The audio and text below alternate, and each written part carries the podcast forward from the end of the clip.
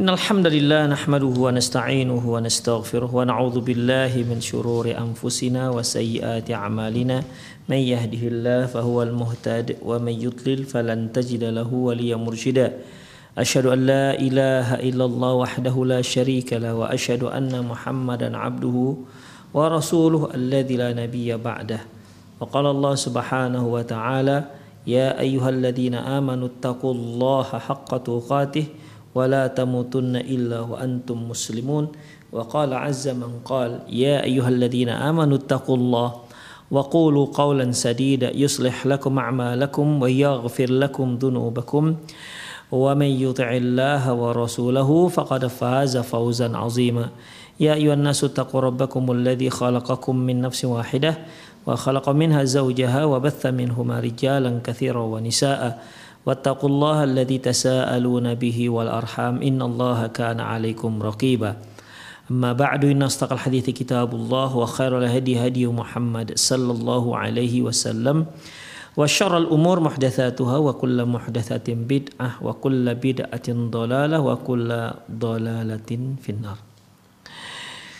Kaum muslimin dan kaum muslimat, para pemirsa Rosat TV di mana pun Anda berada, Alhamdulillah kembali di sore hari ini kita bertemu dalam kajian kitab Fikut Tarbiyatil Abna.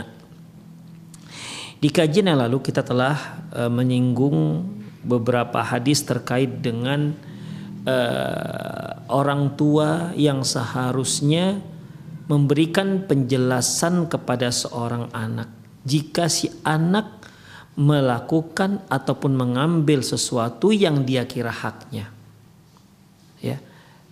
Mungkin dikarenakan kesalahpahaman si anak, mungkin atau mengira itu adalah haknya dia sehingga kita ingin memperbaiki ingin memperbaiki si anak, meluruskan si anak bahwasanya apa yang dia lakukan itu ya tidak sesuai dengan syariat Allah Subhanahu wa taala.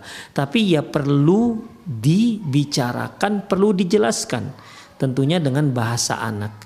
Yang lalu telah kita bahas ketika seorang uh, seorang anak berdiri di belakang imam. Lantas uh, Ubay bin Ka'ab menggeser dia, menggeser dia dari tempatnya dan Ubay bin Ka'ab menempati tempat dia berdiri.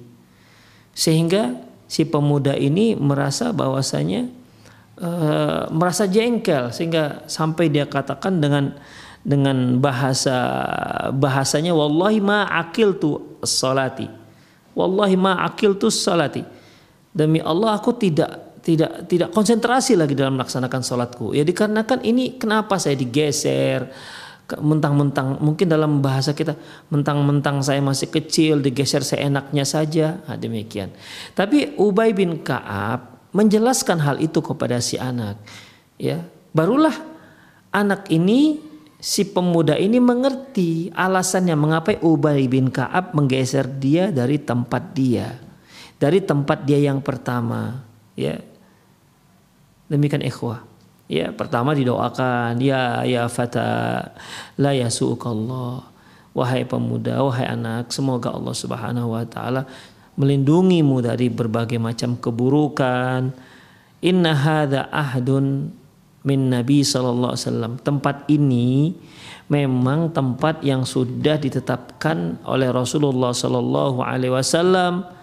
Inna hadza ahdun min Nabi sallallahu alaihi wasallam ilaina An-Naliyahu. Ini adalah tempat yang memang sudah ditetapkan oleh Rasulullah SAW untuk kami. Jadi kamu jangan di situ berdirinya. Ini Rasulullah yang telah menetapkan. Sehingga si anak pun bisa oh menjelaskannya begitu. Oh begitu. Sehingga ya dia puas dengan penjelasan ini. Jadi kita nggak boleh nggak boleh berpikir ala anak-anak lah tidak usah dijelas-jelaskan mau masih anak-anak nggak akan paham. Nggak seperti itu ikhwah. Ya tentunya kita kita jelaskanlah dengan bahasa bahasa anak yang mudah difahami oleh mereka. Demikian ikhwah. Kecuali kalau memang dia seorang anak yang belum bisa paham apa yang kita katakan. Ya. Demikian ikhwah. Itu penjelasan namanya. Anak juga perlu mendapatkan penjelasan yang jelas. Demikian ikhwah rahimanallah wa iyyakum. Sebagaimana yang telah kita bacakan juga di mana ketika uh, ketika Abu Musa al-Asy'ari di dekat dia ada dua orang anak-anak pemuda ya yang yang satu bersin tidak diucapkan yarhamukallah oleh Abu Musa al-Asy'ari yang satu lagi beliau ucapkan sehingga mereka merasa kenapa yang dia kenapa yang saya nggak di nggak uh, uh, diucapkan yarhamukallah. Setelah saya bersin sementara dia diucapkan yarhamukallah. Setelah dia bersin. Abu Musa al Syari menjelaskan ikhwah. Ya menjelaskan. Kenapa yang dia yang satu setelah bersin diucapkan uh, dibalas dengan yarhamukallah sementara yang satu tidak dibalas dengan yarhamukallah tidak di iya tidak ditimpal dengan yarhamukallah? Dijelaskan oleh Abu Musa al Syari kamu ya kamu ka, kamu nggak di, di, dibalas dengan yarhamukallah karena karena kamu nggak kamu dibalas dengan ucapan yarhamukallah karena kamu karena mengucapkan uh, alhamdulillah. Nah, sementara ini tidak. Nah, demikian dijelaskan ikhwah. Ya. Kalau kita hafal hadisnya, kita jelaskan hafal. Jelaskan hadisnya. Idza atasa ahadukum fahamidillah fashammitu. Ini kalau kita hafal hadisnya. Apabila salah seorang kalian bersin dan dia mengucapkan alhamdulillah fasammitu fasyammitu maka ucapkan yarhamukallah.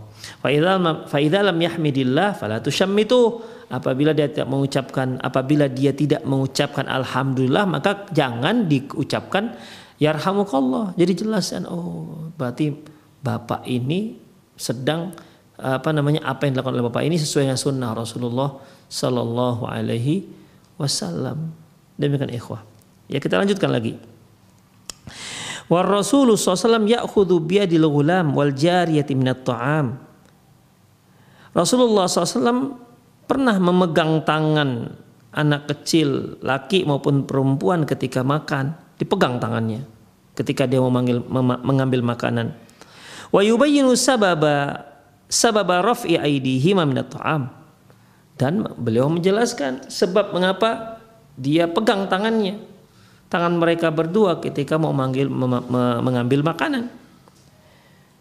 Eh, wa yubayyinu sababa raf'i aidihima min at'am wa anna yada syaitan kanat ma'aidi ma'ayadaihima lamma akala bila tasmiyah. Menjelaskan bahwasanya tangan setan itu berada di tangan mereka ketika mereka makan dengan tanpa bismillah.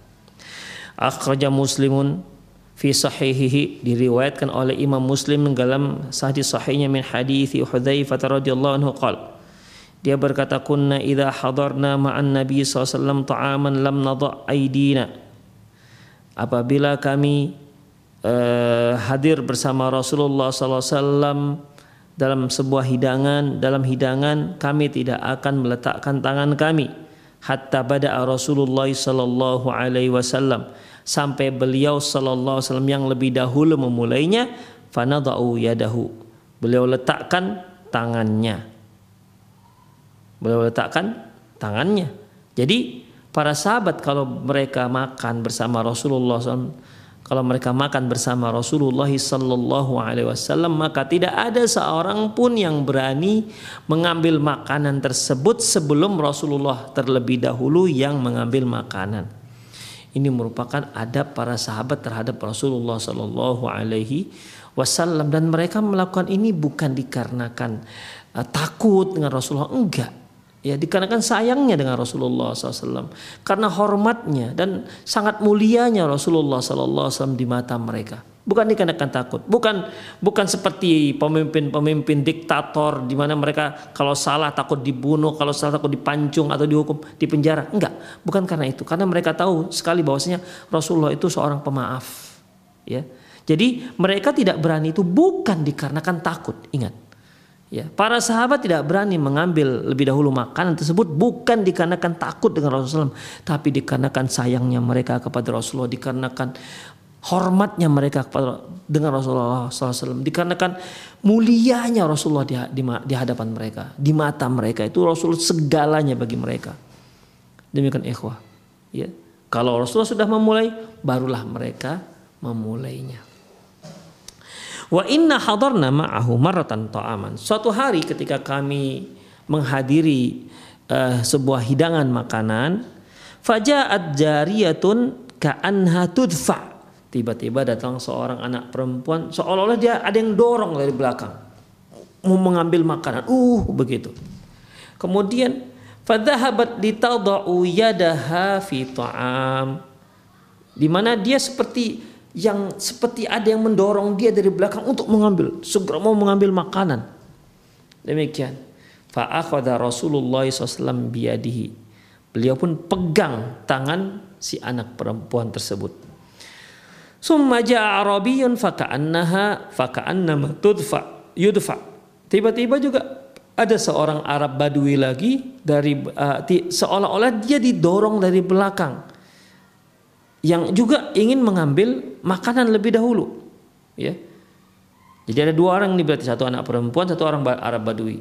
Mau mengambil seperti orang ya mungkin buru-buru seperti orang mau seperti orang berebut.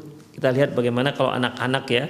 Anak-anak kita suruh ini ada makanan atau ada permen sepiring kemudian mereka kita batas jangan ada yang bergerak jangan ada yang mengambil kecuali kecuali setelah mendapat isyarat Ketika di, di kita beri isyarat silahkan ambil. Itu kan pada lomba tuh. Nah, itu itu itu karena tudfa tudfa itu begitu. Seolah dia oh, berebut mau mengambil, mau lebih cepat agar kebahagiaan. Jadi ikhwah, begitulah kondisi si anak perempuan ini dan Arab Badui tersebut. Tapi Rasulullah SAW pegang tangannya.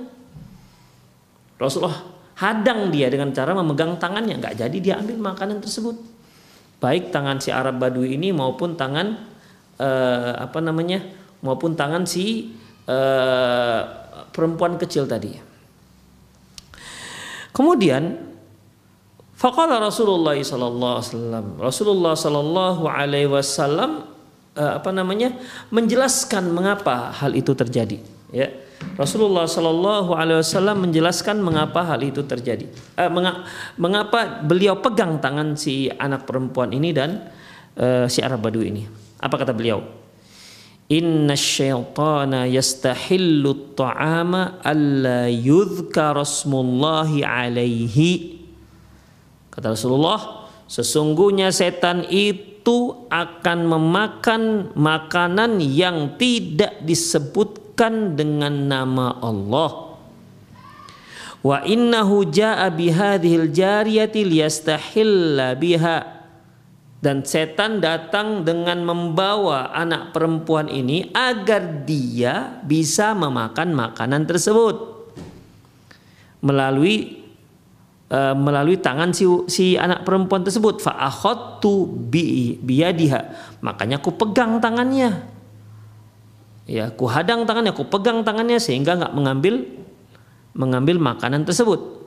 Faja bihadzal a'rabiyyu liyastahilla bihi fa akhadtu biyadihi. Dan kemudian setan juga datang dengan orang Arab Badui ini dengan ingin memakan makanan tersebut melalui tangan si Arab Badui ini. Makanya ku pegang tangannya. Walladzi nafsi biyadih demi zat yang jiwaku ada di tangannya Inna yadahu fiyadi ma'ayadiha. Sesungguhnya aku itu memegang tangan tangan anak kecil ini beserta tangan si setan. Jadi ketika Rasulullah tangkap tangan anak perempuan ini, di tangan anak perempuan itu ada tangan setan. Mengapa demikian? Karena dia tidak baca bismillah. Jadi kalau yang lain baca bismillah, anak si perempuan ini nggak baca bismillah dan setan akan ikut nimbrung makan makanan melalui orang yang tidak baca bismillah. Demikian ikhwah. Makanya Rasulullah tangkap tangan perempuan ini, tangan anak perempuan ini ditangkap. Demi Allah kata Rasulullah, sesungguhnya tekad tangan sesungguhnya aku sedang memegang tangan anak perempuan ini sekaligus memegang tangannya setan sehingga si setan pun nggak jadi makan. Demikian ikhwah. Dikarenakan baik si anak perempuan ini maupun si Arab Badui tidak baca bismillah. Makanya ikhwah orang-orang kalau kita makan tidak baca bismillah berarti setan akan nimbrung makan dengan kita ikhwah. Makanya jangan lupa baca bismillah. Kalaupun seandainya kita lupa dan teringat di saat sedang makan maka kita ucapkan bismillahi awwalahu wa akhirahu bismillah dari awal sampai akhir demikian sehingga si setan nggak melanjutkan makanannya nggak melanjutkan makannya Demikian ikhwah rahimani Allahu wa iyyakum. Ya kita ingatkan ke anak-anak kita, nah baca bismillah kalau nggak di setan ikut makan. Gimana kita biarkan setan makan? Setan itu kan musuh kita. Masa kita akan memberi dia asupan gizi supaya sehat? Kan tidak ikhwah, jangan mau. Jangan biarkan, biarkan setan itu kurus ya, jangan jangan kasih dia makan, jangan kasih dia tempat tinggal. Demikian. Jadi ketika kita apa namanya ketika kita uh, pegang tangan anak kita kita mengajarkannya itu ikhwah ya agar dia membaca bismillah kita jelaskan sebabnya kalau nggak kita jelaskan nanti anak-anak juga kenapa nih ayah kita ini kok tiba-tiba dilarangnya aku makan ah demikian itu bisa menjadi apa ganjalan dalam hatinya jelaskan ikhwah kalau kalau pemisah sekalian hafal hadisnya bacakan hadisnya ya bacakan hadisnya Misalnya nih kalau kalau anak kita e, makan dengan tangan kiri, kita larang dia. Nah, jangan makan dengan tangan kiri. Pelarang dia kan. Ketika dia mau mengambil makan dengan tangan kiri, kita pegang tangannya. Dah, nggak jadi kan? Nggak jadi ngambil. Kita jelaskan. Kenapa ayah menahan tanganmu jangan sampai memakan pakai tangan kiri? Jelaskan. Kalau Rasulullah sallallahu alaihi wasallam la ta'kulu wala wala ya'kulanna biha fa inna syaitan ya'kulu wa yashrabu biha. Janganlah salah seorang kalian makan dan minum dengan tangan kiri karena sesungguhnya setanlah yang mana makan dan minum dengan tangan kiri. Jelas kita jelaskan. Oh begitu. Jadi jangan kenapa ya? Kenapa nggak boleh makan pakai tangan kiri? Pantang. Jangan itu jawabannya. Pantang. Pantang itu apa? Di, di mana pantangnya? Tapi dengan dengan kita sebutkan nama, dengan kita sebutkan hadis Rasulullah SAW, oh berarti bukan ayahku yang melarangnya, tapi Rasulullah yang melarangnya. Dengan demikian semakin semakin luas wawasan dia terhadap uh, sunnah Rasulullah dan semakin dalam kecintaannya terhadap Rasulullah. Dan dia juga ketika mengingatkannya, saya yakin anak-anak yang diingatkan dengan hadis, dia juga akan mengingatkan kawannya dengan hadis. Ketika kawannya dengan makan dengan tangan kiri, ya dia akan mengingatkan dengan peringatan yang sama. Demikian. Eh kenapa nggak rupanya nggak boleh makan tangan kiri? Dia akan mengingatkan oh karena Rasulullah melarang makan pakai tangan kiri karena yang makan pakai tangan kiri itu adalah setan. Itu diingatkan. Dia ingat. Demikian ikhwah. Ya coba kalau kita banyak hafal hadis kita terapkan di saat-saat memang prakteknya masya Allah itu bisa ingat. Ya bisa ingat. Coba coba kita lihat bagaimana penulis menyebutkan uh, akhlak yang satu ini hadisnya. Kedua ini hadisnya. Masya Allah ya. Mengingatkan kita dengan hadis-hadis Rasulullah SAW seolah penulis mengatakan ini bukan saya yang ngelarang ini yang ngelarang Rasulullah. Makanya kita lihat lebih banyak hadis-hadis buku ini ketimbang keterangan ya. Lebih banyak hadis-hadis sebagaimana uh, manhaj penyusun buku-buku buku-buku hadis. Demikian ikhwah rahimanallahu iyyakum. Jadi uh, apa namanya kita biasakan anak-anak kita dengan dengan hadis Rasulullah SAW dengan dengan syariat. Ya kalaupun kita nggak hafal hadisnya minimal ini sunnah Rasulullah kita katakan kepada anak kita. Kalau hafal hadisnya lebih mantap lagi. Ya sehingga anak benar-benar pernah mendengar oh kalau dia mungkin di kelas pernah eh, apa namanya pernah mendengar gurunya ngajar oh ini dulu dulu ayah saya pernah mengatakan ini Demikian ikhwah. Sehingga sunnah Rasulullah itu betul-betul menancap dalam dalam jiwanya. Jadi kalau sehari-hari mereka mereka praktekkan sunnah tersebut walaupun dia masih kecil ya dipraktekkan sunnah tersebut apa sebabnya karena dilarang Rasulullah ketika nanti belajar mulai besar satu persatu mulailah dia mulai membaca langsung hadis Rasulullah SAW tersebut maka dia oh teringat oh rupanya inilah makanya ayah dulu melarang. Oh inilah rupanya makanya ayah dulu uh, apa namanya uh, menyuruh. Inilah hadis yang dulu pernah disebut-sebut ayah. Demikian ikhwah. Kesannya itu luar biasa. Kesannya terhadap sunnah Rasulullah Sallallahu Alaihi Wasallam. Demikian ikhwah. Jadi inti yang terkait dengan pembahasan kita yaitu penjelasan. Kita jelaskan mengapa kita seperti itu. Ya, mengapa kita seperti itu. Demikian ikhwah. Jadi kalau kita misalnya uh, menghukum anak-anak kita, jelaskanlah mengapa kita menghukum.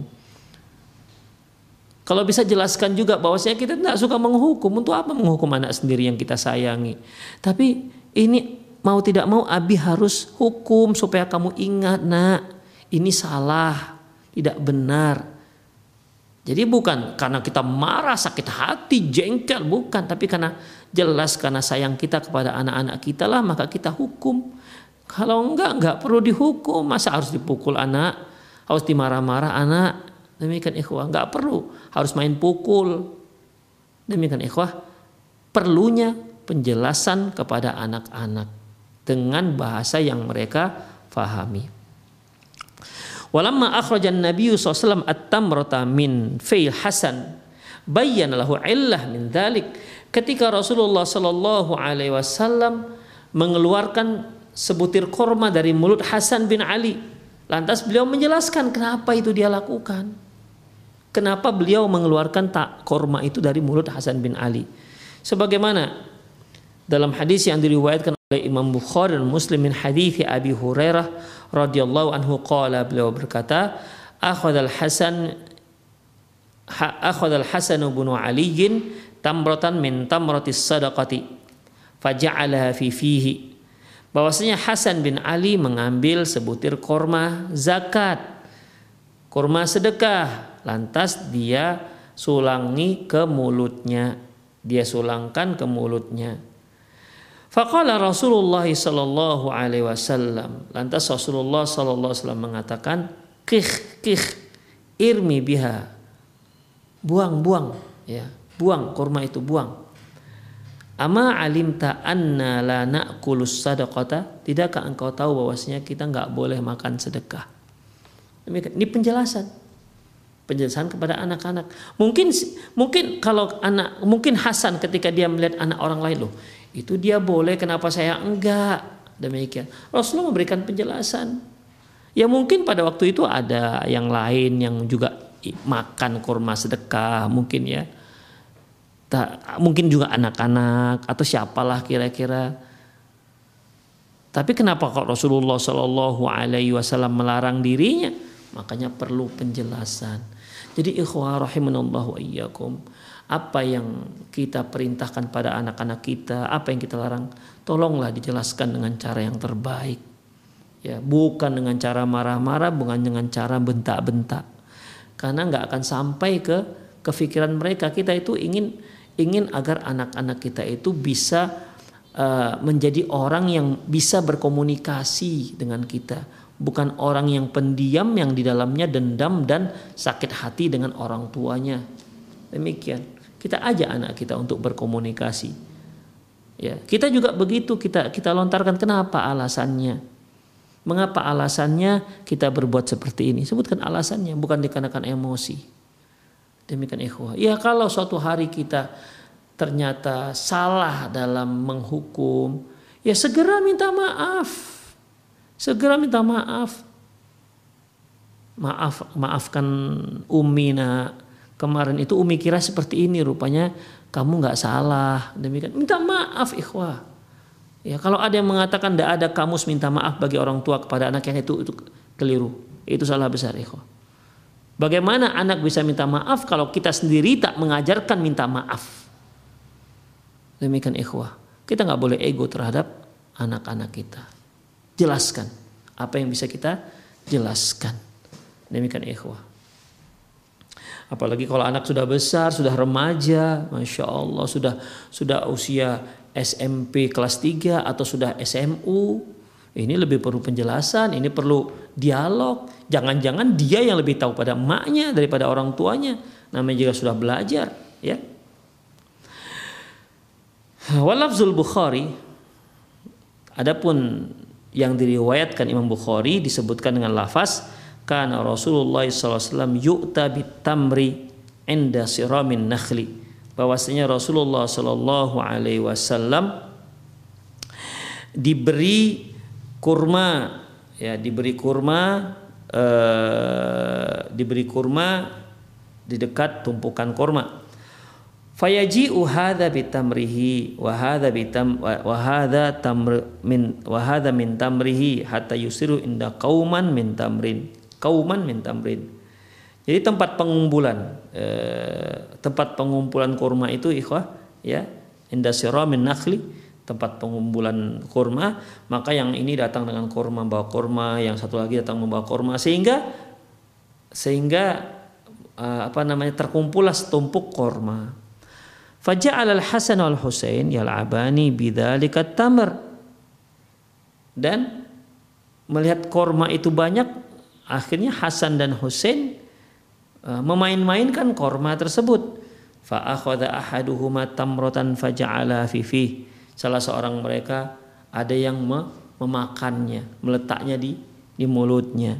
Fa nadhara ilaihi Rasulullah SAW fa akhrajahu min fi.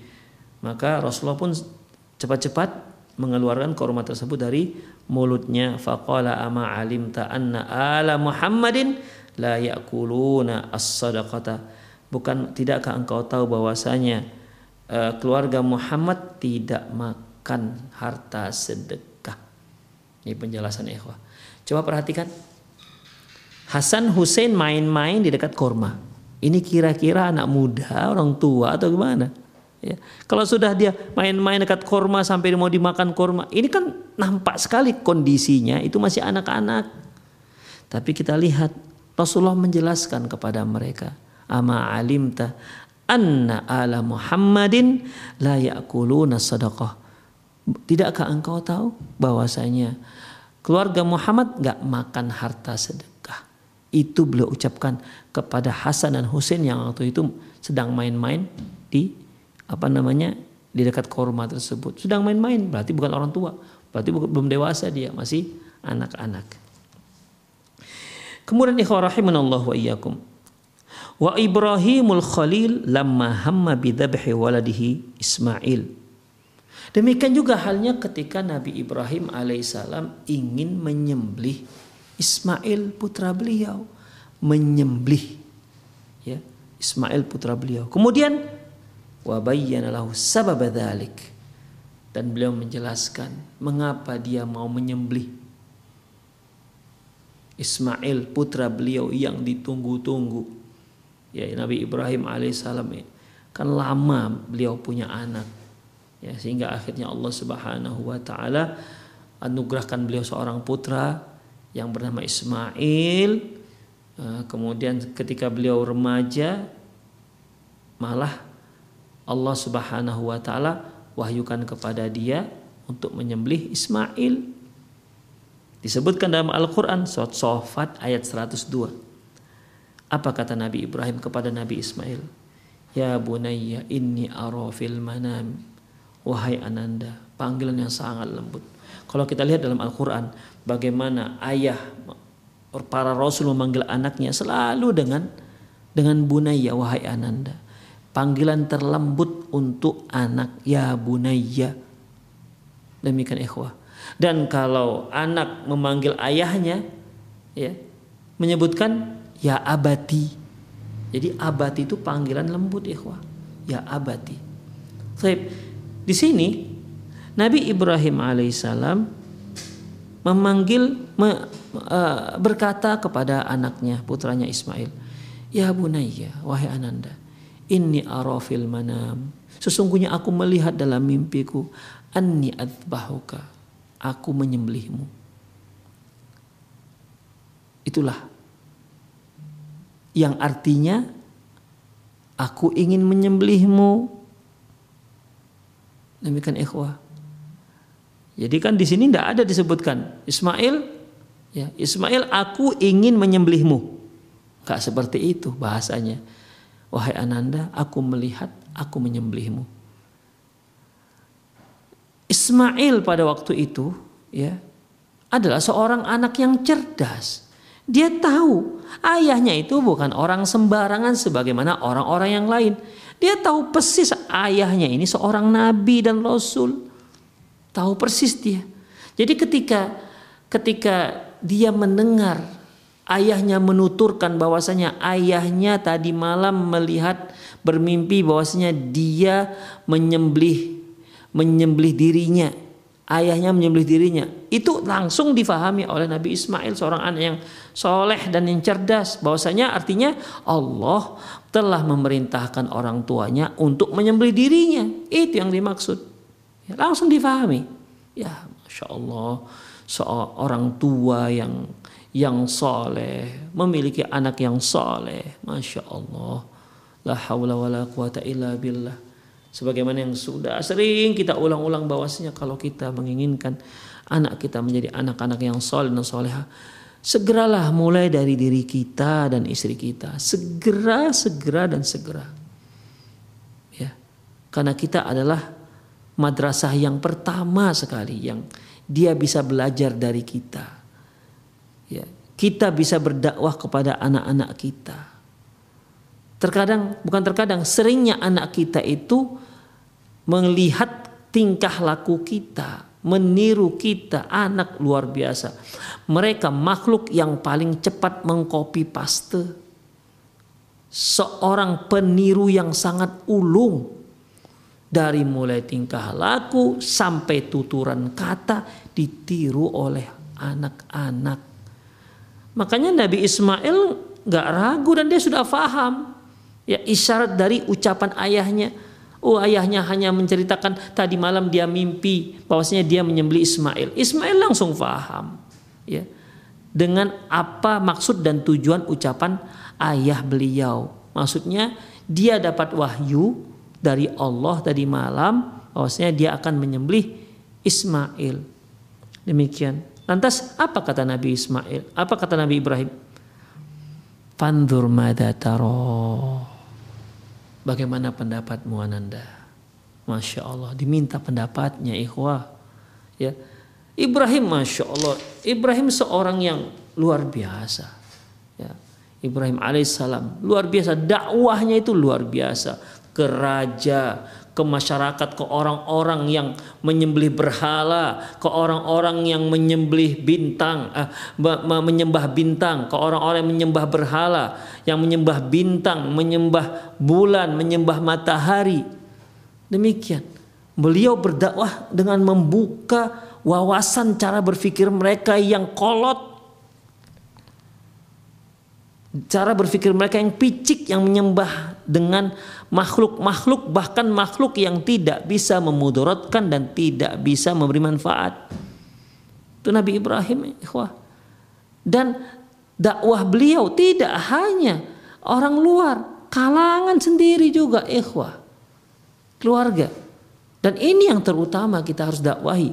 Rasulullah juga begitu dakwah beliau. Wa anzir ashiratakal akrabin. Peringatkan keluarga-keluarga terdekatmu. Memang itu yang pertama yang wajib kita lakukan. Seorang suami, kalau dia seorang ustadz, maka sebelum dia diustadkan oleh orang, dia harus diustadkan oleh anak dan istrinya. Harus menjadi orang yang harus menjadi orang yang ditiru uswatun hasanah untuk keluarganya. Demikian ikhwah. Makanya eh, apa namanya?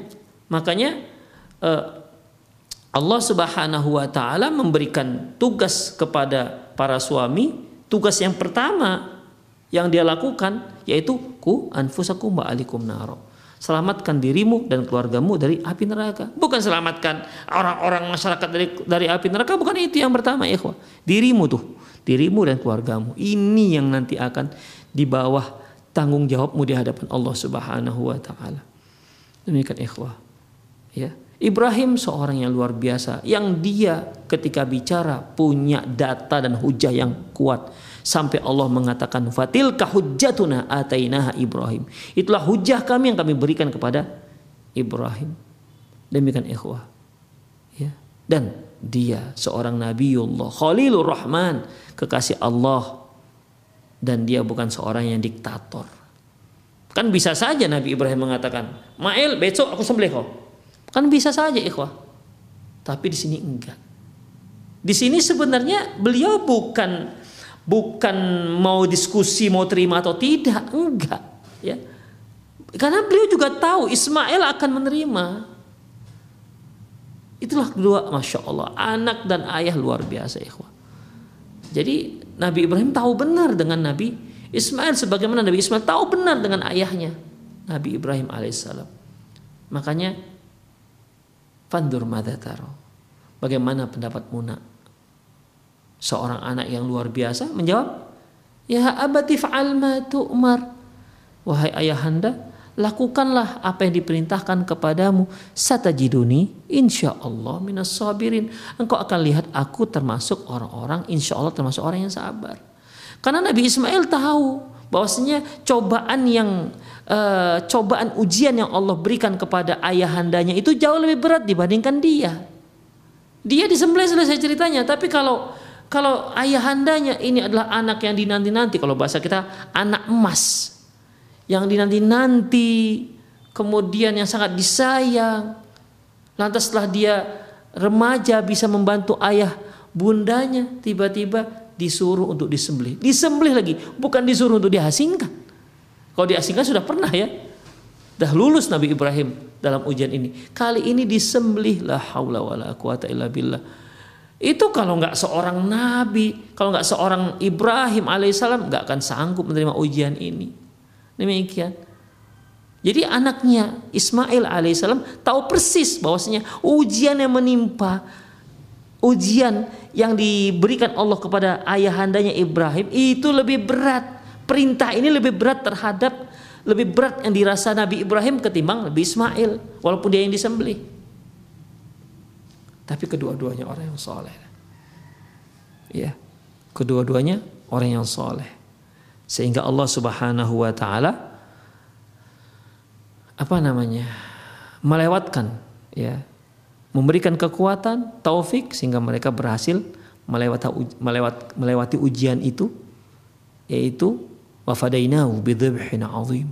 Kami tukar ya sembelihan tersebut dengan kambing yang kambing yang sangat uh, sangat besar dan masya Allah syariat itu berlaku sampai sekarang. Coba bayangkan berapa generasi itu sejak zaman Nabi Ibrahim sampai sekarang sunnah menyembelih hewan itu masih berlaku. Coba berapa banyak pahalanya Nabi Ibrahim. Seandainya beliau pada waktu itu nggak mau diperintahkan oleh Allah untuk menyembelih anaknya Ismail, tentu tidak ada, ya tidak ada sunnah ini. Tapi karena dengan ketaatan beliau, beliau singkirkan kasih sayang beliau, ya cinta kasih beliau kepada Ismail anaknya demi cinta beliau kepatuhan beliau terhadap Allah Subhanahu wa taala dan akhirnya Allah beri jalan keluar yang terbaik dan sampai sekarang syariat tersebut dijalani oleh kaum muslimin. Masya Allah. Bayangkan berapa pahalanya Nabi Ibrahim. Setiap tetes darah yang memancar dari seekor hewan kurban yang dilakukan oleh kaum muslimin di seluruh dunia itu semua pahalanya juga mengalir kepada Nabi Ibrahim alaihissalam dan putra beliau Ismail alaihissalam. Kemudian fabayyana lahu al-illata min al-iqdami ala dhabihih wa annahu wahyullahi ilaihi wa annahu wa annahu wahyullahi ilaihi bidzalik dan Nabi Ibrahim menjelaskan ya mengapa dia melakukan hal itu yaitu dikarenakan Allah yang memahyukan demikian ikhwah rahimanullah wa iyyakum jadi di sini penulis Masya Allah beliau menjelaskan hadis per hadis tentang pentingnya kita menjelaskan sesuatu kepada anak-anak kita ya apabila kita melarang mereka, jelaskanlah mengapa kita melarang. Apabila kita mengambil apa yang mereka miliki, jelaskan kenapa kita ambil. Mungkin menurut kita dia keliru mengambil hak dia bukan hak dia. Kita jelaskan. Jadi tidak bisa kita menjadi orang yang diktator kita ambil. Ini punya abangmu. Dah. Tanpa ada penjelasan. Ya mungkin si anak diam saja. Gimana takut dengan bapaknya yang ganas mungkin yang garang. Tapi kan itu nggak mendidik ikhwah Ya, yang seperti itu nggak mendidik. Jadi gimana? Jelaskan pada dia. Nah ini punya abangmu. Kemarin begini begini begini hingga sampai ke kamarmu. Jelaskan. Nanti kamu ayah belikan lagi. Demikian ikhwah. Jadi si anak pun tenang, ada penjelasan yang jelas. Demikian. Mungkin pada waktu itu si anak nggak terima. Mungkin kalau udah berjalan sejam, dua jam, tiga jam, ya setelah itu dia bisa merenung dan menerima betul apa yang dikatakan ayah. Demikian. Tapi kita menjelaskan ikhwah, ya kita menjelaskan sebagaimana yang dilakukan oleh Rasulullah SAW, sebagaimana yang dilakukan oleh para sahabat ridwanullah alaihim ajma'in. Allahu a'lam. Kemudian ikhwah. Selanjutnya. Istisyaratul abna fima yafhamunahu. Boleh juga kita itu meminta pendapat anak-anak atas satu hal yang memang dia fahami. Apalagi memang dia bidangnya itu. Memang dia spesialis di situ. Waqad yafhamul waladu fi ba'dil ahyana minal umuri ma la yafhamu abuh. Ya, terkadang terkadang anak ada memahami sesuatu yang lebih yang tidak difahami oleh orang tua. Fa'alal walid ayastashiru ayastashiral walada fi walad. Oleh karena itu orang tua coba minta pendapat anak-anak. Karena dia tahu apa sih anaknya lebih tahu daripada dia. Fima yat yutkinuhu dan sesuatu yang memang dia apa namanya dia dia tekuni ya dia tekuni misalnya nih orang tua belum pernah belajar tahsin. Anak sudah belajar tahsin. Ketika orang tua mau membaca Quran dia nggak tahu gimana yang cara yang membaca yang benar tanya kepada anak nah ini gimana nak bacanya? Misalnya dia berpapasan dengan ayat kallabal kallabal rona ala qulubihim. Dia tengok itu kok ada ada saktahnya. Nah, ini apa maksudnya, Nak? Demikian. Tanya kepada anak kita. Jangan malu sebagai orang tua bertanya kepada anak yang kita tahu anak kita itu lebih paham dengan dari bandingkan kita. Ya mungkin si anak kita masukkan pesantren, dia sudah hafal mungkin 10 juz, sementara kita hafalan kita dari dulu ke dulu sam sampai sekarang masih aroeta ladi. Bacanya terbaca terbata-bata, nggak lancar karena jarang baca Quran. Makanya minta ajarkan kepada anak. Demikian. Kalau kita nggak bisa membaca membedakan antara huruf zai dengan dal dengan uh, jim dengan dal Tanya anak kita yang kita tahu dia lebih paham. Gimana nak cara bacanya? Ya, bedakan antara jim dengan zai dengan dal. Tanya kepada anak kita. Ya. Wala yujahilul walad. Jangan anggap bodoh itu anak-anak. Wala yakhbisuh haqqahu. Ya. Jangan dianggap bodoh, dianggap remeh anak-anak. Gak boleh. Alah, gengsi lah nanya anak-anak kok dia enggak ikhwah keliru kalau seperti itu kita ya keliru demikian wa 'alal ibnu ayyuqaddima ra'yahu fi thawbin minal adabi wa qamisin mil waqar dan anak pun ketika menjelaskan ini kepada orang tuanya hendaklah dia jelaskan dengan cara dengan cara dengan cara yang santun dan penuh penghormatan demikian Mungkin kita sebagai posisi anak ditanya oleh orang tua kita, Nah, ini gimana cara bacanya? Maka kita pun mengajarkan orang tua kita jangan sebagaimana kita mengajarkan anak-anak, anak murid kita beda. Ini murid kita kali ini orang tua kita. Harus benar santun, benar-benar santun dan tetap menghormatinya sebagai orang tua. Jangan pula si anak meremehkan orang tua. Ya nggak gitu bacanya. Ayah pun sudah tua masa nggak bisa bacanya. Astagfirullah, jangan seperti itu. Ya, Jangan seperti itu. Tetap santun dan tetap menghormati orang tua kita. Demikian. Kalau kita posisi sebagai orang tua memang nggak tahu cara membaca, belajar kan anak kita. Kalau kita tahu, bahwasanya anak kita lebih paham dengan uh, dengan apa yang akan kita pelajari itu ketimbang kita. Tanya kepada anak kita. Jangan gengsi, ikhwah. Jangan gengsi. Ya. Qala Allah Ta'ala Allah Subhanahu wa ta'ala firman wa Daud wa Sulaiman idh yahkumani fil harth Daud dan Sulaiman dua nabi Allah Subhanahu wa taala. Daud ayahnya, Sulaiman anaknya. Dua orang raja. Idh yahkumani fil harthi ketika keduanya menetapkan hukum dalam masalah ladang. Ya, ada yang bertengkar antara pemilik ladang dengan pemilik uh, kambing. Idna fashat fihi ghanamul qaum ketika ladang tersebut dirusak oleh kambing oleh kambing seseorang. Wa kunna li hukmihim syahidin dan kami menjadi saksi atas ketetapan hukum penyelesaian hukum yang ditetapkan oleh mereka berdua.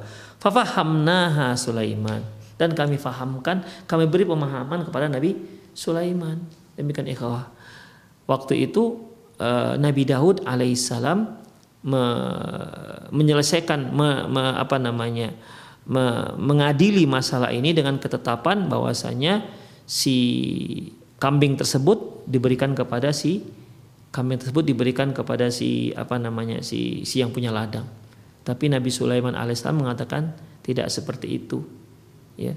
Nabi Sulaiman alaihissalam me, menyelesaikan permasalahan ini dengan cara uh, si yang punya kambing disuruh untuk menanam menanam pohon tersebut, pohon yang dirusak, ya ladang yang dirusak oleh si kambing, dah kemudian siang kambing yang si kambing diberikan kepada si yang punya ladang sehingga hingga waktu yang sudah e, sebagaimana semula maka kambing tersebut dipulangkan dan pohon tersebut pun dilanjutkan oleh si si pemilik ladang demikian ikhwah rahimanallah wa iyyakum itulah hukum yang ditetapkan oleh Nabi Sulaiman lebih adil Fakullan ataina hukma wa ilmah. Kedua-duanya kami berikan hukum dan hik hikmah dan ilmu.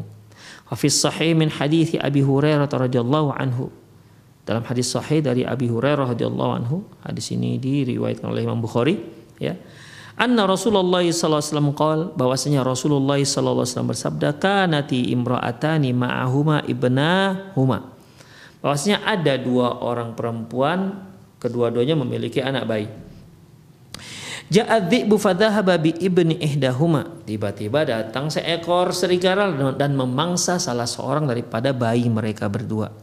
Faqalat li sahibatiha innama dhahaba bi ibnik. Salah seorang perempuan mengatakan, "Eh, yang dimangsa itu anakmu, bukan anakku." Wa qalatil ukhra yang satu lagi mengatakan inna madzhaba bi ibnik bukan anakku yang dimangsa, anakmu yang dimangsa. Nah, demikian ikhwah. Jadi masing-masing mengklaim bahwasanya anak yang ada itu anaknya, sementara anak yang dimangsa oleh serigala itu anak temannya. Sementara pasti adalah salah seorang dari antara mereka yang bohong kan? Fatahakamata ila Daud alaihissalam. Maka keduanya pun datang ke Nabi Daud dan minta penyelesaian. Ini gimana penyelesaiannya? mereka ceritakanlah bahwasanya saya bawa anak masing-masing kami bawa anak tapi ternyata salah seorang dari anak kami itu di dimangsa oleh oleh serigala jadi ini anak kami masing-masing ini dia mengatakan anakmu yang dimangsa anakku enggak demikian juga sebaliknya gimana ini wahai Nabiullah Daud Faqadha bihil lil kubro. Lantas Nabi Daud pun menetapkan hukum bahwasanya anak tersebut milik si wanita yang lebih tua usianya. Fakharajata ala Sulaiman bin Daud alaihissalam dan mereka pun akhirnya bertemu dengan Sulaiman alaihissalam. Sulaiman bin Daud alaihissalam fa'akhbaratahu dan keduanya pun menceritakan tentang kisah mereka berdua. Faqala ituni bisikin. Kata Nabi Sulaiman, coba bawakan pisau. Iya, terperanjat kedua wanita ini. Untuk apa nih pisau? Ya. Asyukkuhu bainahuma Aku akan potong nih anak. Ku potong dua nih anak. Kata Nabi Sulaiman alaihissalam. Artinya ku potong separuh untuk yang yang muda, separuh lagi untuk yang tua. Jadi adil. Karena nggak diketahui nih mana si anak yang dibawa. Mana anak yang dibawa oleh serigala yang oleh serigala masing-masing mengklaim bahwasanya ini adalah anak mereka. Udah supaya lebih adil, dah kupotong aja dua ini anak. Separuh untukmu, separuh lagi untuk yang satu lagi. Faqalas waqat sugro.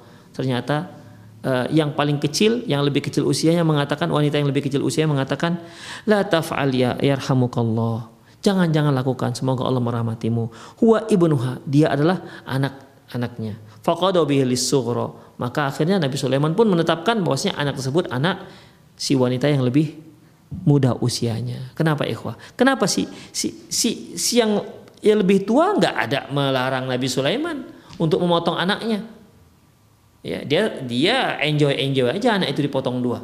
Tapi si si yang kecil enggak jangan udah udah jangan dipotong wahai yang mulia. Udah itu punya anak punya dia, itu bayi dia.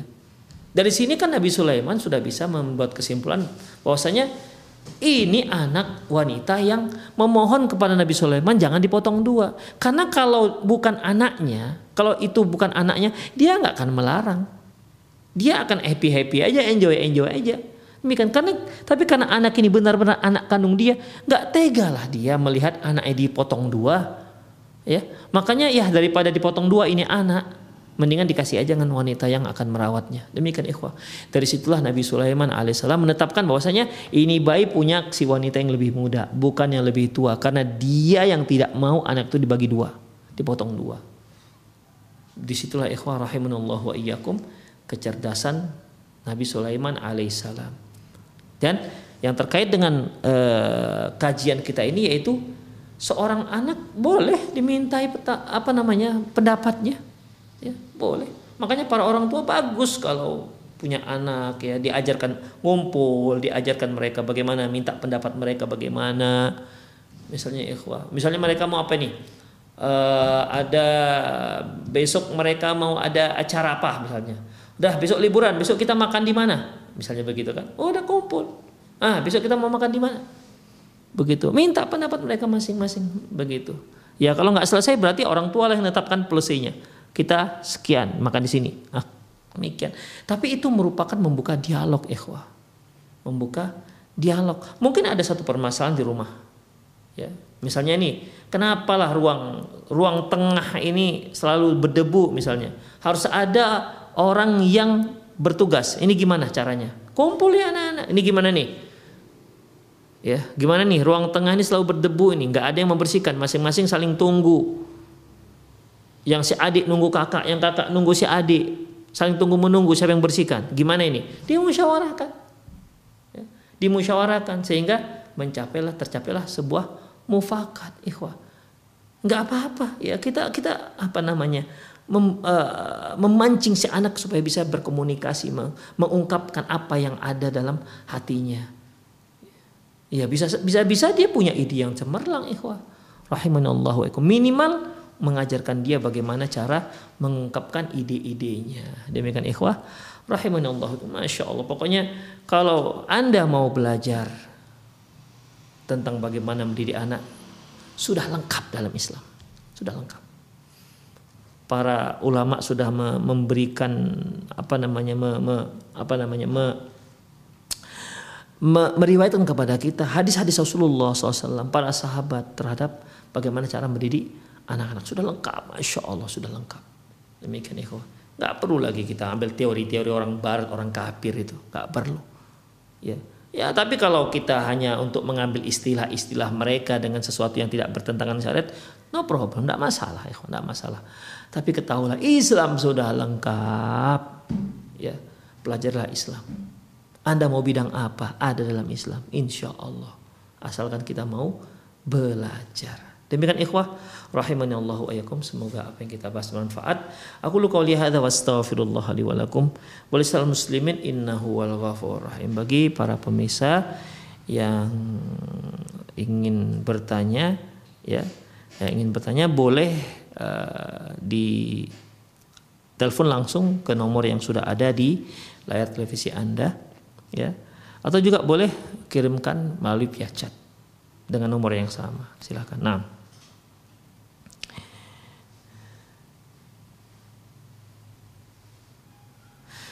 Assalamualaikum warahmatullahi wabarakatuh. Pak Ustadz saya mau tanya, boleh dalam sholat membawa surat panjang tapi hanya sebahagian? Contohnya Al-Kahfi 1 sampai 10 saja. Terima kasih Ustadz Asad Boleh. Ya. Kita sholat membaca ayat-ayat misalnya se, uh, mungkin satu ruko hanya 10 ayat boleh. Nggak ada masalah. Ya. Sebentar saya baca lagi, jangan-jangan salah paham saya tentang pertanyaan Bolehkah dalam sholat membawa surat panjang tapi hanya? Boleh insya Allah. Ya boleh. Ya. Bapak atau ibu yang bertanya, membaca membaca surat satu surat seluruhnya atau membaca sebahagiannya boleh ya boleh ya masalah karena membaca surat itu tidaklah menjadi rukun dalam sholat Assalamualaikum warahmatullahi wabarakatuh. Saya ingin bertanya, bagaimana cara agar kita hidup kita selalu dibimbing oleh Allah Subhanahu wa taala karena saya merasa hidup saya sering salah, ngomong sering salah, berbuat sering salah. Mohon jawabannya Pak Ustadz. Terima kasih. Jazakumullah khairan. Ibu atau Bapak yang bertanya, Waalaikumsalam. Semoga Allah Subhanahu wa taala membimbing kita semua dan terutama ibu atau bapak yang bertanya. Yang pertama tentunya jangan lepaskan diri kita dari doa kepada Allah Subhanahu wa taala. Bahkan dalam sholat pun Allah memberi mewajibkan kita untuk mengucapkan itu. Selalu mendapat bimbingan. Apa itu? Salah satu daripada salah satu daripada eh, apa namanya salah satu daripada ayat yang wajib kita baca kalau nggak kita baca batal sholat kita. Apa itu? Ihdinas siratal mustaqim Ya Allah tunjukkanlah aku jalan yang lurus. Demikian ikhwah. Ini merupakan uh, doa pada Allah Subhanahu wa minta pada Allah Subhanahu wa taala jalan yang lurus. Itu yang pertama. Yang kedua, senantiasa belajar, belajar terus, belajar terus. Sebab ilmu yang kita dapati itulah yang bisa menjadikan standar menjadi standar barometer bagi kita akan salah dan tidaknya kita. Yang ketiga, berteman dengan orang-orang yang soleh dan solehah. Karena mereka kalau kita hidup bersama mereka di situ ada watawasobil hak watawasobil sabar saling nasihat menasihat dalam kebenaran dan saling nasihat menasihat dalam kesabaran. Sehingga ketika kita salah ada yang mengingatkan. Ya kalau kita menjadi manusia tak salah itu nggak mungkin. Ya tak salah itu nggak mungkin. Tapi kita seorang yang bersalah akan diingatkan oleh teman kita yang soleh dan solehah akan kesalahan kita dan kita ingin merubah kesalahan tersebut bertobat kepada Allah. Ingat kullu bani Adam khata'un wa khair tawwabun. Semua anak Adam itu bersalah dan orang yang terbaik adalah orang yang tobat dari kesalahan. Allahu alam bisawab. Nah, halo. Halo.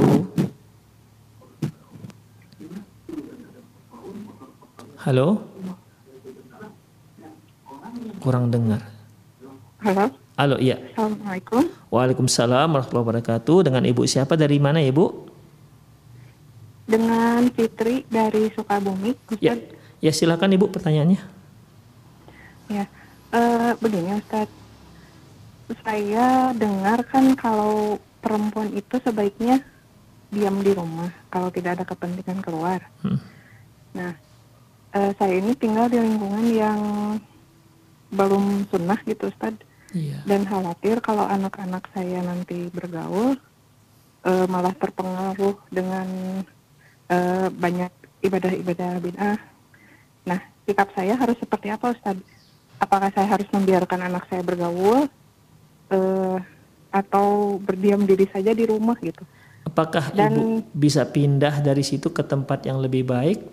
Ada kemampuan? Hmm, belum ada sih Ustadz. Hmm, ya. Taip. Dan uh, Ustadz, mohon maaf ada satu lagi untuk rujukan uh, buku untuk uh, ilmu parenting Islami.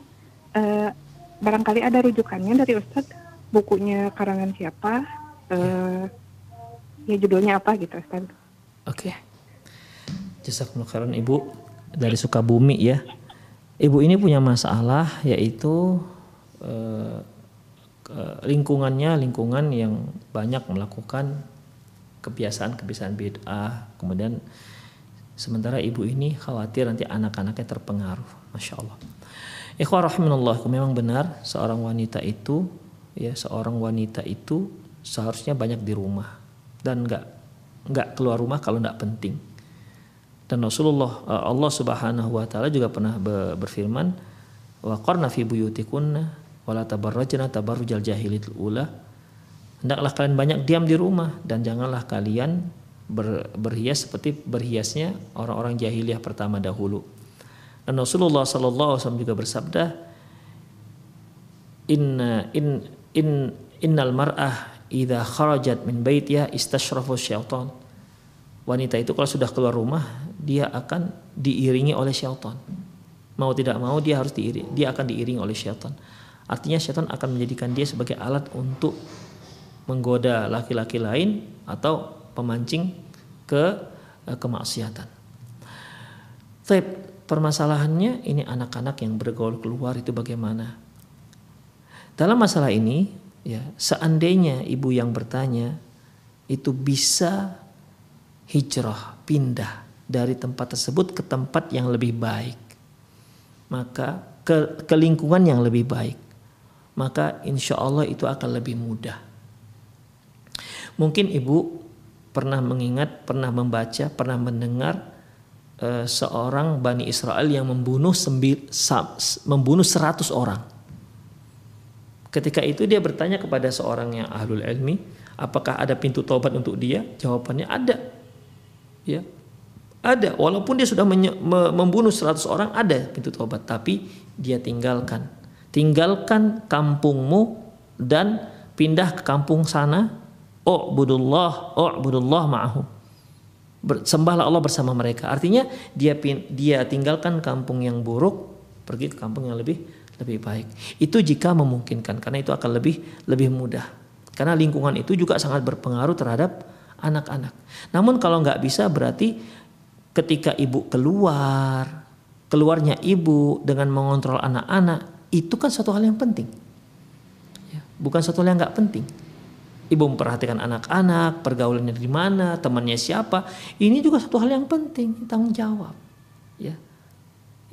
Bahkan yang ini kalau memang ibu harus memperhatikan pergaulan anak-anak sampai keluar, keluar rumah, kalau menurut saya Allah alam bisawab, bahkan ini lebih penting ketimbang menyiapkan menyiapkan masakan di rumah itu. Demikian. Jangan sampai dapur Masya Allah ditekuni sekali bagaimana tapi anak gak ditekuni. Demikian ikhwah. Anak itu lebih penting daripada dapur. Walaupun keduanya sama-sama penting tapi anak ada prioritasnya. Anak itu lebih kita prioritaskan. Pergaulannya kita lihat, siapa temannya. Kalau kalau ibu ingin e, mengetahui siapa temannya sampai harus keluar rumah, tidak apa-apa. Itu satu hal yang penting ya bukan yang nggak penting penting. Karena Rasulullah pernah mengatakan, mengatakan eh, eh almar ma'adini khalilihi seorang itu bersama agama temannya. Demikian ikhwah seorang seorang itu bersama agama agama temannya. Ah ibu ingin tahu siapa sih teman anak saya? Supaya tahu bagaimana anak ibu di luar. Boleh silakan. Ini yang penting ini perkara yang penting. Ibu penting sekali ini. Demikian. Jadi bukan bukan perkara yang nggak penting Demikian. Ibu bahkan Allahu alam bisawab wajib ibu keluar demi untuk maslahat anak-anak. Ya, maksudnya keluar rumah bukan sampai safar ya, mengetahui pergaulannya gimana, wajib gunanya. Ya, wajib. Demikian. Ya, jadi ini tidak termasuk perkara yang tidak penting, bahkan ini sangat sangat penting. Silahkan. Kalau memang harus sering ibu keluar rumah untuk maslahat anak, silahkan mungkin antar sekolah, mengetahui siapa temannya, boleh silahkan. Demikian. Tentunya tidak mengabaikan kewajiban di di rumah. Allahu alam bisawab. Adapun ya, adapun mengenai uh, buku parenting banyak sekali ya, banyak sekali. Ada buku kalau ini saya buku fikih tarbiyatul abna yang ditulis oleh Syekh Mustafa Ladawi. Ini sudah diterjemah sepengetahuan saya. Ya, sudah terjemah oleh Mustafa Syekh Mustafa Ladawi. Setahu saya sudah diterjemah dalam dalam buku dalam terjemahan bahasa Indonesia. Teman saya lupa uh, judulnya apa. Demikian. Ada juga yang uh, tulisan buku-buku kecil tulisan ustadz muda kita seperti Ustadz Abu Salma ya. Beliau mengupas parenting pendidikan anak-anak dengan dengan bahasa yang lebih modern, tidak seperti saya ini kan. Dan lebih modern dengan psikologi anak yang ada di di Rosat TV juga ada uh, kajian beliau hari apa ya? Saya lupa. Demikian. Kajian parenting itu oleh Ustadz Abu Salma. Ustadz muda kita. Insya Allah tinggal di Jakarta. Demikian. Dan juga uh, saya juga sepengetahuan saya ada juga Ustadz Abu Ihsan juga menulis uh, buku parenting. Demikian. Banyak ibu sekalian ya. Banyak. Jadi ibu boleh pilih ya mana yang yang kira-kira kalau untuk yang lebih kekinian ibu boleh baca buku-buku yang ditulis oleh Ustaz Abu Salma gitu dan kalau yang yang banyak hadisnya seperti buku yang saya baca ini yang itu oleh Syekh Mustafa Al-Adawi. Insya Allah banyak manfaatnya. Masing-masing punya uh, apa namanya punya uh, apa ya punya cara dalam memaparkan memaparkan uh, pemaparan tentang parenting. Demikian Allah alam. Nah, halo. Halo, Assalamualaikum warahmatullahi wabarakatuh. Waalaikumsalam warahmatullahi wabarakatuh. Dengan Ibu siapa? Dari mana Ibu? Dengan Ibu Tari dari Lampung, Ustaz. Ya, silakan Ibu Tari. Ini Ustaz, uh, saya ini lagi dapat cobaan lah untuk yeah. kebandelan anak-anak ini. Masya Allah. Nah, yang yang saya tanyakan, yang pertama itu bagaimana kita menyikapi anak kita yang sudah balik Contohnya begini Ustadz, saat mereka sekarang ini kan pada main gadget itu ya Ustadz iya, ya, iya. tengah malam, nah terus kemudian sampai hampir menjelang lah, menjelang subuh tuh kita sering mengingatkan. Tapi hmm. rupanya mereka kurang suka dengan kalau kita terlalu cerewet. Nah, dengan begitu kan akhirnya sholat mereka subuh itu terlalaikan Ustadz. Nah, hmm. ini kalau kak sebagai seorang tua kalau sudah sekali membangunkan kemudian dia nggak bangun kedua ketiga. Nah ini kami komunikasikan dia nggak nggak nggak suka gitu Ustadz. Kalau terlalu terlalu ditekan gitu ya terlalu uh, dicerewetin ditekan, diomelin uh, ya. tapi uh, tapi kalau nggak dicerewetin pun uh, ya nggak nggak bergeming itu satu. Terus kedua Ustadz uh, mereka jarang di rumah. Ini dua kebetulan nih diuji dua anak. Sama-sama udah udah menginjak udah balik lah Ustaz. Sudah kuliah ibu? Ya sudah kuliah? Masih SMA iya. Ya. nah terus uh, dari awal emang kalau mereka main musik saya itu selalu mengingatkan nah itu yang melarang bukan ibu loh nak. Mm -hmm jadi peristiwa itu. Terus kemudian dari pergaulan dia mengenal oh itu pun saya masuk. Nah itu yang melarang bukan ibu. Nah dari dari saya memberi arahan itu alasan mereka nggak betah di rumah. Iya ibu terlalu cerewet. Semua dikaitkan sama agama. Padahal saya sendiri sudah mulai masuk. Ya maksudnya memberi pengarahan mereka karena memang saya mengenal sunnah itu ya setelah di tengah perjalanan iya, pernikahan kami. Uh, kemudian karena bapaknya sendiri, uh, kami udah berpisah ada satu tahun ini, hmm. Ustaz. Yeah. Karena oh. memang dari awal uh, masalah pendidikan anak, terus karena suami juga nggak mau beribadah, jadi saya memutuskan untuk berpisah. Nah ini, apakah ini ujian buat saya untuk mengenal sunnah lebih jauh atau saya ingin Ustadz dari ujian anak ini saya mendapatkan pahala dan mendapatkan keimanan yang lebih kuat lagi. Jadi bagaimana saya bersabar, bagaimana saya menyikapi dengan antara menginginkan anak tetap di rumah dengan terus mengingatkan anak untuk untuk melihat kebenaran yang Allah berikan. Tolong solusinya Ustadz. Insya Allah jazakumullah khairan ibu. Semoga Allah subhanahu wa ta'ala memberikan ibu kemudahan atas setiap masalah dan ujian yang tengah menimpa ibu. Memang itu merupakan ujian yang banyak uh, didapati oleh kaum ibu kita terutama yang baru hijrah yang di mana dia hijrah sendiri suami belum hijrah dia dia sudah mengerti sunnah suami belum. Sementara tahunya hijrah sunnah ini juga setelah mereka anak-anak dewasa dan yang seperti ini banyak. Ya, banyak. Bukan hanya ibu. Tapi bagaimanalah solusinya? La ilaha illallah. Uh, tentunya dalam masalah ini, ya. Yang pertama kita banyak doa kepada Allah Subhanahu wa taala. Tidak bisa kita tanpa doa dari Allah. Doa kepada Allah Subhanahu wa taala. Karena bagaimanapun pemilik daripada hati itu adalah Allah Subhanahu wa taala.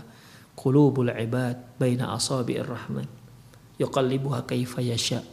Hati para hamba itu letaknya di antara jari jemari Allah Subhanahu wa taala. Allah membolak-balikkan sekehendaknya.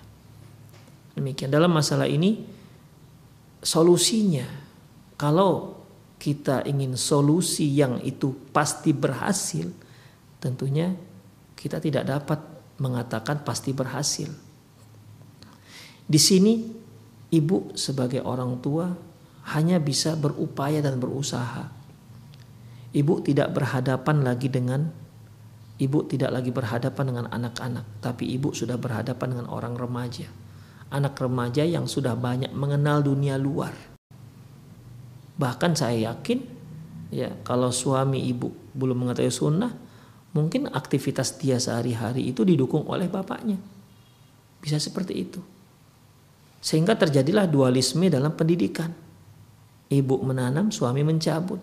Ibu memupuk, suami meracun walaupun tidak dengan sengaja dia meracunnya karena dia menganggap itu suatu hal yang eh, suatu hal yang baik-baik saja. Padahal itu bukanlah suatu hal yang baik saja, bukan satu hal yang baik-baik saja. Demikian. Jadi yang pertama ibu banyak berdoa kepada Allah Subhanahu wa taala. Kemudian yang kedua memang harus banyak ibu diskusikan. Mungkin bisa ibu eh, apa namanya ya tidak mencerewetin tapi cobalah diajak diskusi ya. Diajak diskusi. Bangunkan sekali udah. Kemudian tanya gimana nak? Kenapa ndak sholat? Cobalah karena masalah sholat ini kan masalah sudah diakui semua orang bahwasanya wajib. Fokuslah dulu di sini. Kenapa nak nggak sholat? Kenapa susah bangunnya? Oh mungkin begini-gini. Cobalah eh, apa namanya? Ya intinya ibu harus diskusi dengan anak-anak. Tidak bisa dicerewetin anak-anak. Tapi tetap dibicarakan tetap dibicarakan. Nak sholatlah nak. Sholatlah nak. Begitu.